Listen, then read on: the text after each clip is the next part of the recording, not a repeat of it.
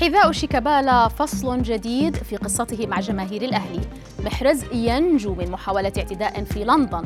هل يتم إقصاء بنزيما من منتخب فرنسا مدى الحياة؟ إليكم أبرز أخبار الرياضة في الساعة الأربع والعشرين الماضية في دقيقتين على العربية بودكاست.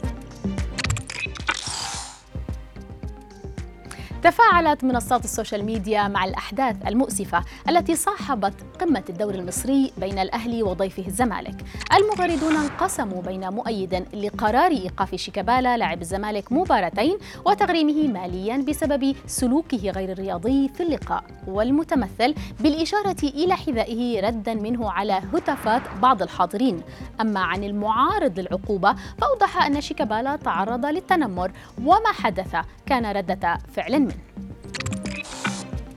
وإلى خبر آخر حيث بدا من الواضح أن مدرب المنتخب الفرنسي ديديا ديشان لم ولن يستطع مسامحة كريم بنزيما لاعب ريال مدريد الإسباني. ديشان علق في حوار صحفي مع كيكر الألمانية حول إمكانية ضم المهاجم الفرنسي لصفوف المنتخب إلا الأول قائلا أنا لست بابا نويل ولست هنا لأعلن عن مفاجآت وكان ديشان قد اتخذ قرارا منذ عام 2015 بعدم استدعاء بنزيما مجددا بعد اتهامه في قضية ابتزاز.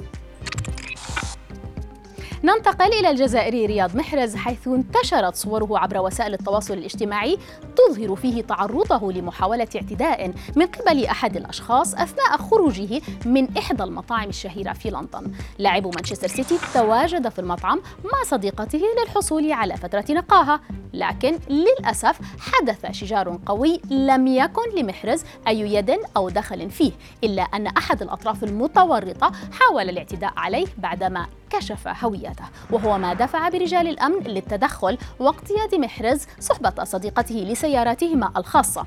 اللاعب كما نرى في الصور يبدو أنه تعامل مع الأمر كحدث عادي ببساطة في حين تبدو الصدمة بادية على صديقته من جراء الحادثة. الختام مع الإسباني إنيستا لاعب فيسل كوب الياباني الذي فاجأ محبيه في يوم ميلاده السابع والثلاثين بتمديد عقده مع ناديه بدلا من إعلان اعتزاله.